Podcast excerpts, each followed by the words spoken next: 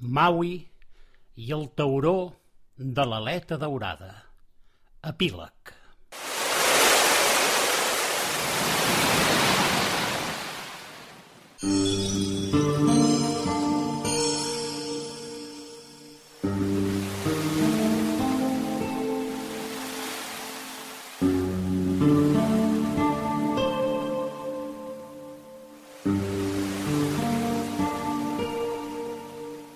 Van passar tres anys d'ençà d'aquella batalla amb els taurons d'aleta daurada i Maui era a l'illa, la seva illa.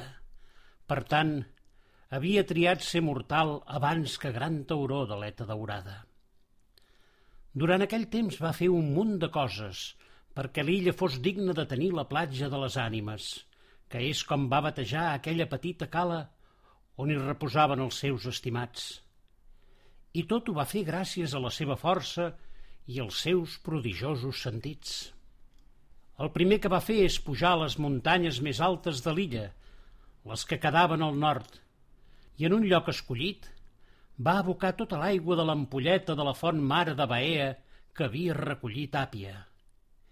I en aquell indret hi va brotar una nova font i d'ella quatre rius que es repartiren per la gran vall que hi havia entre les dues torres del Palau dels Déus del Mar i que Posidó havia convertit en dos volcans. Un d'ells mig esfondrat, l'altre encara actiu, per recordar als qui volguessin habitar l'illa que la terra és viva i cal respectar-la. De seguida l'aigua dels rius va transformar la vall en una terra fèrtil, on Maui va plantar les llavors de l'arbre del pa i altres llavors que van esclatar en obrir la fulla que duia dins la bosseta de pell de foca i que Api havia recollit i havia guardat amb molta cura en el seu camí cap a Bailima. La darrera cosa que va fer fou escollir un indret de la costa acarat al sud-oest i construir-hi una alimara, o llum de guia, que coronà amb l'ull vidrat que també havia guardat Àpia a les hores de quan es van perdre la selva.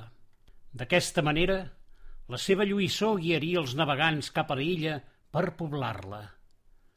L'orientació no era capriciosa, sud-oest. Sabia que d'allà un dia arribarien els seus amics de Samoa fugint de la catàstrofe que Caupo havia predit. Els tres presents de la seva germana Àpia farien que l'illa es transformés en un vell i ric jardí enmig del Pacífic. Però hi faltava gent – i cada vespre Maui anava a la platja de les ànimes a parlar amb els seus estimats i cridar ben fort les paraules de benvinguda perquè algú mar endins les escoltés i vingués a poblar l'illa. Els camins els són llargs i són fets d'esperança, fins que arriba el jorn carregat de frisança. Quan de lluny veureu una llum que us guia i una nova terra per refer la vida, vida, vida, vida. Veniu navegant, navegant, navegant, una nova llar us espera amb boscos i conreus per qui persevera. Un vespre, Just quan l'ull vidrat es va encendre, va veure arribar tot un seguit de barques carregades de gent. Aleshores Maui va córrer amb deler cap al pilar i va hissar el mapa dels estels. La llum de l'ull vidrat va encendre l'estelada damunt del mar i va traçar els camins per portar a bon port aquelles embarcacions. No cal que us digui qui eren els navegants i d'on venien – el retrobament de Cala, Mauna i Maui i tots els altres va ser una gran festa. Us podeu imaginar la sorpresa de la gent de Falepa en veure aquell noi que un dia havia arribat al seu poble, ara convertit en un home alt com un Sant Pau, amb un cos ferm, potent, quasi gegantí. Però per damunt de tot, el que més els va enlluernar va ser la seva mirada, la blavor dels seus ulls i la tendresa i la bondat que irradiaven. Maui els va rebre i com a present oferia a Cala el collar de petxines. Just en aquell moment, Les petgines es transformaren en flors alhora que en els colls de tots els altres aparegueren altres collars semblants. Va ser aleshores i per sempre que aquells collars es convertirien en el símbol de benvinguda dels illencs.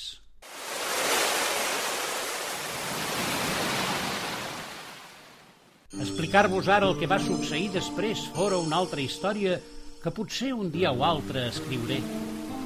Solament dir-vos que l'illa es va poblar amb més gent de la terra de Samoa i d'altres que van anar arribant, que navegant. Maui va descobrir que junt a la seva illa també havien emergit d'altres que constituïen un arxipèlag en forma de mitja lluna i que amb el temps aquell indret seria considerat com un paradís. Maui va viure molts anys i va morir com tot mortal, però a diferència dels altres, el seu cos va esdevenir sorra blanca i en remolí va anar a descansar a la platja de les ànimes, junt amb els seus estimats. Allí també hi descansaven Akala i Mauna, morts molt abans que Maui. Els habitants varen batejar l'illa on vivia amb el seu nom, Illa de Maui, i tenen el convenciment que Maui els protegeix, tal com ho fan els semideus.